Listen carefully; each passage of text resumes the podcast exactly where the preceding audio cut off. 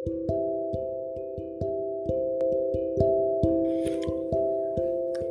kawan-kawan semua, salam sejahtera buat kita semuanya ya. Assalamualaikum warahmatullahi wabarakatuh. Salam sehat semuanya.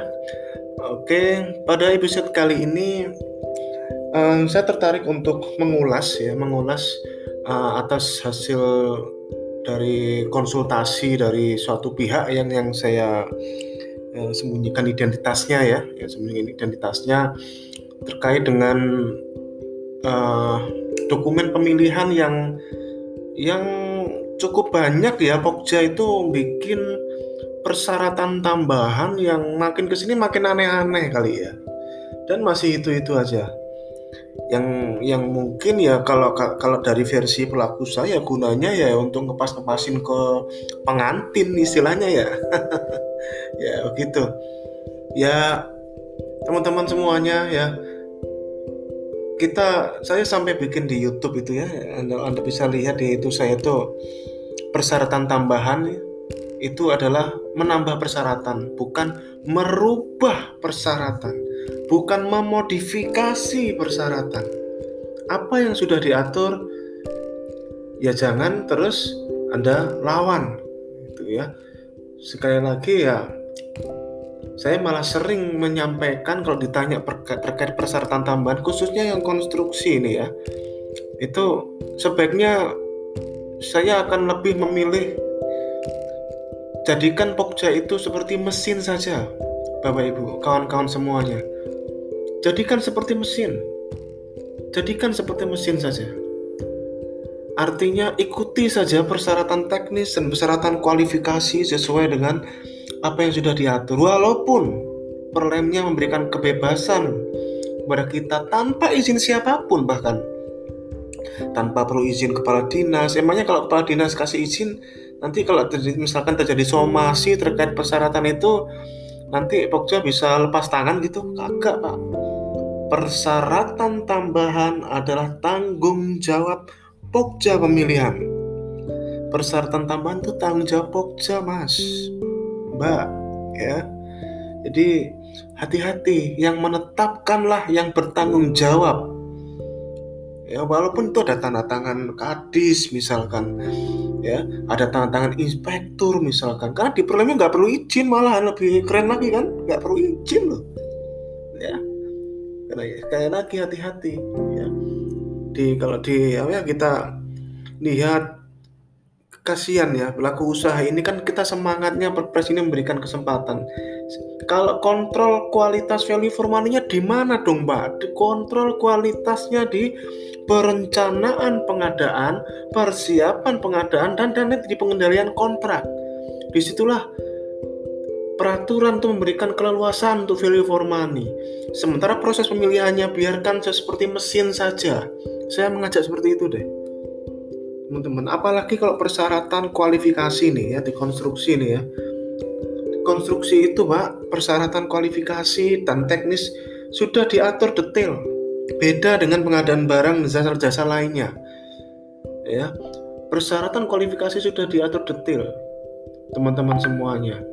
Masih ada aja surat dukungan ini surat dukungan itu. Sudah berapa banyak ya kasus-kasus terkait surat dukungan ini teman-teman semuanya ya seringnya coba ini. Misalnya nih memiliki surat ditaruhnya di LDK lagi ya lembar data kualifikasi. Ya lembar data kualifikasi surat dukungan ke uh, ketersediaan material sesuai spesifikasi dan kuantitas rencana dari distributor. Pernyataan bermaterai Bapak Ibu. Bahkan kan bahkan SPSE saja Bapak Ibu. Ya tidak mewajibkan tanda tangan loh ini malah sampean minta materi pula Bapak Ibu. Ya. Minta surat dukungan Redimix. Redimix mengupload hasil scan surat dukungan dari penyedia Redimix di wilayah bla bla bla serta menunjukkan dokumen asli doku, surat dukungan pada saat klarifikasi sesuai bla bla spesifikasi dan seterusnya. Surat dukungan keramik tile. Ini sering jadi senjata senjata ini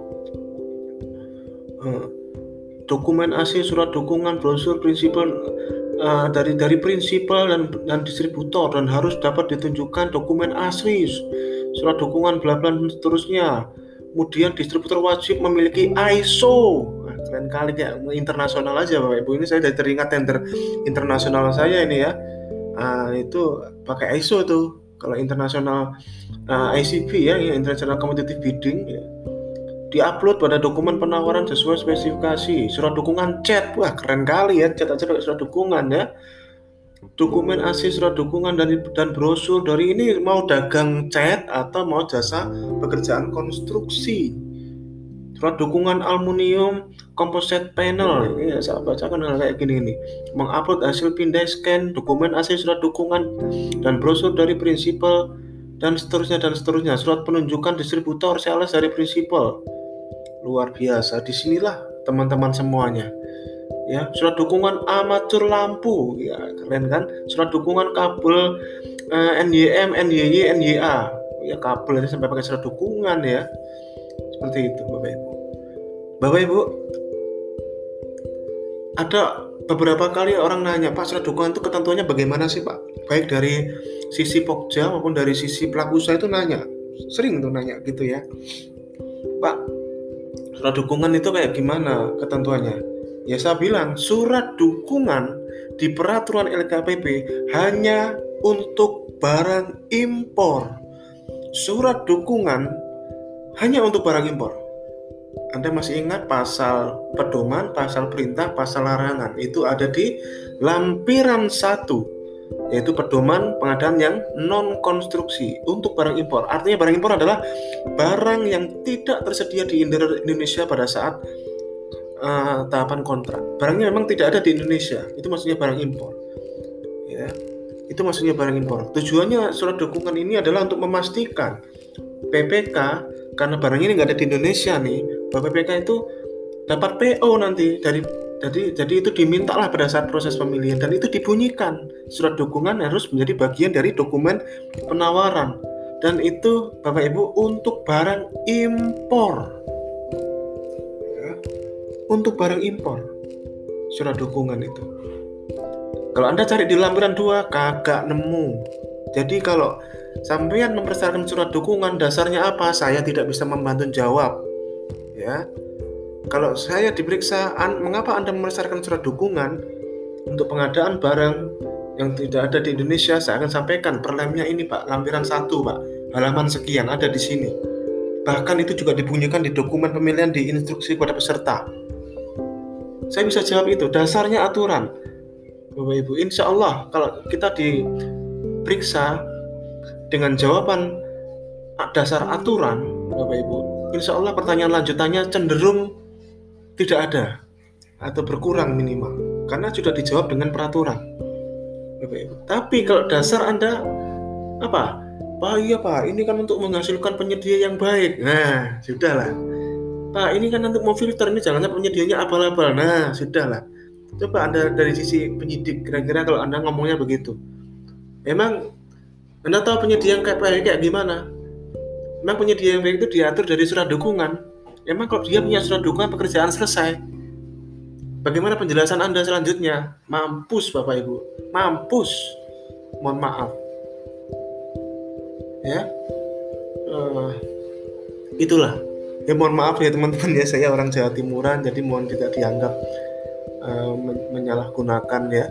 Ini adalah bagian ya bagian dari uh, penjelasan ya penjelasan ini yang yang tapi ini dari saya pribadi jangan sampai jawaban kita adalah jawaban yang bukan atas dasar peraturan ya persyaratan tambahan ini Bapak Ibu urgensinya apa urgensinya apa? Anda mau dagang jet, Anda mau dagang kabel, Anda mau dagang apa mau kontraktor ini, pekerjaan fisiknya. Fokuslah ke pekerjaan fisiknya, Bapak Ibu. Fokuslah ke kualitas merek catnya apa, pasirnya, kabelnya, aluminiumnya apa, besinya apa, pakai hebel. Ya, saya sering melihat praktek apa spek-spek konstruksi itu ya. Saking fokusnya ke administrasi sampai sampai nggak kepikiran. Saya sering nyeletuk pak itu kenapa nggak pakai hebel aja? Kan lebih enak pak. Buktinya kalau kita bangun rumah itu saya lihatnya perumahan-perumahan sekarang ini kan pakai hebel pak. Lebih enak. Bata ringan lebih cepat waktunya otomatis nanti tukangnya juga memang khusus ya itu yang masang hebel mah nggak bisa sembarangan pak. Juga termasuk untuk ngedak pakai baja ringan yang sudah langsung cetakan dari pabrik itu yang dinaikkan pakai kren itu. Kenapa nggak pakai itu pak? Kalau lebih cepat nggak tergantung musim pula itu karena sudah coret-corannya sudah langsung jadi itu. Coba bicaranya itu seperti itu arahnya bukan kan malah surat dukungan? Ah bapak ibu ini ya ini teman-teman Pokja ini saya mungkin anda mengira oh saya membela pelaku usaha tidak ada membela membela Seniat saya adalah untuk value for money. Untuk kedua sisi. Untuk kedua sisi teman-teman semuanya, yuk jalankan saja. Apalagi ini ditemui kalau dari konsultasi tadi itu kayak kayak, kayak surat tadi masuknya di persyaratan kualifikasi pula. Waduh, Bapak Ibu padahal itu nggak relevan lah nggak persyaratan kualifikasi. Kalau mau seperti itu persyaratan-persyaratan teknis lah ya. Seperti itu. Lucu ya, lucu. Bapak Ibu. Ya, sudah berapa banyak lah ya kasus yang terkait terkait ini ya kita tidak ada yang sempurna memang Bapak Ibu ya tidak ada yang sempurna jadi kalau anda menambahkan hal-hal ya kalau anda menambahkan hal-hal yang tidak diatur di perlem ya hati-hati apalagi yang sering bukan itu anda merubah apa yang sudah diatur perlem wah ini yang keren ini Bapak Ibu ya. Pakai rekening koran tiga bulan terakhir cuy. Padahal di perlemnya sudah menghapuskan kualifikasi kemampuan keuangan. Itu malah melanggar perlem pak. Ya seperti itu. Untuk usaha kecil usaha kecil peralatan utamanya 6 eh apa lebih dari 6 salah 10 banyak sampai sebajak. Sampai saking bablasnya ember cetok aja dikasih persyaratan gitu ya satu unit satu satu jenisnya maksimal tiga unit untuk yang kecil. Kasihlah minta 10 masih mempersyaratkan jadwal lagi. Jadwal itu bagian dari spesifikasi proses atau spesifikasi metode silahkan. Tapi sebelum ke spesifikasi proses jadwal itu masuk spesifikasi proses Bapak Ibu. Tidak dikompetisikan. Kenapa sih nggak dikompetisikan jadwal ini? Jadwal itu nggak dikompetisikan kalau menurut teman-teman PUPR ya kalau saya berguru sama teman-teman PUPR seperti Beli Heri, Sis Ira yang sering saya tanyain kenapa sih jadwal itu nggak dikompetisikan? Ya karena bukan barang mati pak. Ya jadwal ini kan bukan barang mati pak jadwal bisa diganti-ganti apa yang dikompetisikan? Kalau saya bangun rumah mah nggak mau jadwal. Diatur sama saya yang ngatur jadwalnya. Pekerjaan persiapan tujuh hari, pekerjaan pondasi 20 hari misalnya, pekerjaan dinding 30 hari misalnya. Terserah. Anda yang atur. Kalau mau nggak kalau misalkan malas bikin model nyamping pakai kalender itu tanggal pakai hari aja. Jadwal. Jangan dikompetisikan apalagi metode ya metode hanya untuk besar masih saja ada persyaratan-persyaratan metode untuk kecil. Metode bukan barang mati, Pak. Metode tidak dikompetisikan itu adalah outputnya konsultan perancang. Dan itu pun juga barang mati. Bukan barang mati, masih bisa dibahas pada saat rapat persiapan pelaksanaan kontrak. Metode itu pun. Dan itu sebenarnya yang lebih berpikir adalah konsultan perancangnya karena dia punya waktu lebih. Ya kecuali ya ini ya kecuali untuk yang besar besar itu pun sebenarnya kalau anda lihat yang dievaluasi apanya? Cuma kesesuaian proses dengan proses saja. Dengan alat kesesuaian dengan proses tahapan pekerjaan belum kesesuaian dengan alat itu aja nggak terlalu apa banget gitu loh. Itu padahal itu yang besar baik oke? Saran saya ikuti saja ketentuannya jalankan kita sebagai mesin saja ya minimal kalau misalkan katakanlah lah ya katakanlah lah eh, katakanlah nauzubillah ya proyeknya gagal misalnya terus kita diperiksa. Kita sampaikan Pokja batas eh, hanya menjalankan tugas sebatas sesuai dengan batasan kewenangannya yaitu melakukan persiapan pengadaan dan melakukan pemilihan yang meliputi evaluasi administrasi teknis eh, apa harga pembuktian kualifikasi seperti itu dan melakukan penetapan sesuai dengan ketentuan yang berlaku. Jawab seperti itu, sesuai ketentuan saja. Kan kita batasnya seperti itu, mau dibilang gimana? PPK pun juga sama. Asalkan BPK sudah menjalankan sesuai ketentuannya. Setelah dapat laporan dari Pokja, laporan review, laporan pemilihan, kemudian SWBC, kemudian rapat persiapan perantangan kontrak, terus perantangan kontrak, kemudian penyerahan personel, kemudian uh, apa RMP uh, uh, penyerahan uh, SPMK, setelah SPMK uh, program mutu, penyerahan rencana mutu pekerjaan konstruksi atau program mutu untuk pengadaan barang, kemudian uh, namanya uh, uh, RMPK ya kemudian rapat persiapan pelaksanaan kontrak. Kemudian melakukan laporan uh, apa namanya rapat berkala kontrak. Kalau sudah itu dilakukan selebihnya anda tinggal jawab ke para penyidik kalau misalnya gagal kontrak.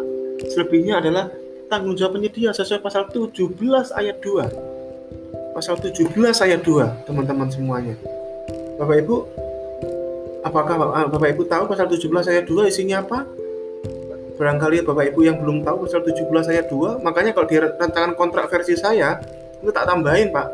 Ya satu pasal ya tak tambahin pasal 6 tak tambahin lagi. Tambahin dengan isi pasal 17 ayat 2 ini adalah ini pasal 17 ayat 2 penyedia bertanggung jawab atas pelaksanaan kontrak kualitas barang jasa ketepatan perhitungan jumlah atau volume ketepatan waktu penyerahan dan ketepatan tempat penyerahan. Kalau PPK sudah menjalankan tugasnya, selebihnya penyedia tanggung jawab. Tapi kalau kegagalan itu juga ternyata PPK tidak melakukan hal yang semua yang sudah diatur oleh Perlem 12, maka PPK dapat dikenakan pasal. Tapi kalau sudah dilakukan semuanya, dokumennya sudah ada, ternyata memang yang blow on penyedianya, Pak. Misalnya begitu. Bukan yang keluar PPK-nya kami sudah ini dokumennya lengkap pak. Dan kami sudah berusaha melakukan pengendalian terus menerus dan masih seperti ini pak. Ya sudah. Pasal 17 ayat 2 nih bapak ibu. Tanggung jawabnya. Ya. Seperti itu. Penyedia pun juga gitu. Kalau merasa tidak mampu sudah sampaikan. Kalau punya kendala sampaikan. Ya supaya masalah itu tidak terpendam dan ujung-ujung di belakang. Ngomong damai gitu terus dipaksa untuk men 100% kan pekerjaan. Ya pak 100% aja lah pak. Apa apa lah pak. Kayak gitu. Ya itu ya. Baik itu bapak ibu ya terkait dengan episode kali ini terkait dengan persyaratan tambahan yang yang makin ke sini makin aneh-aneh. Hati-hatilah bapak ibu ya dengan persyaratan tambahan persyaratan tambahan ini ya. Anda bisa lihat berbagai macam uh, slide webinar-webinar yang yang terakhir itu saya lihat dari Beli Heri ya Pak. Beli Heriana itu bagus itu. Ya persyaratan tambahan itu kayak gimana? Hati-hati ya Ibu nah kalau saya mah mending nggak aja lah. Mending nggak aja lah saya Pak. Ya sudah ikuti aja saya mending seperti mesin aja.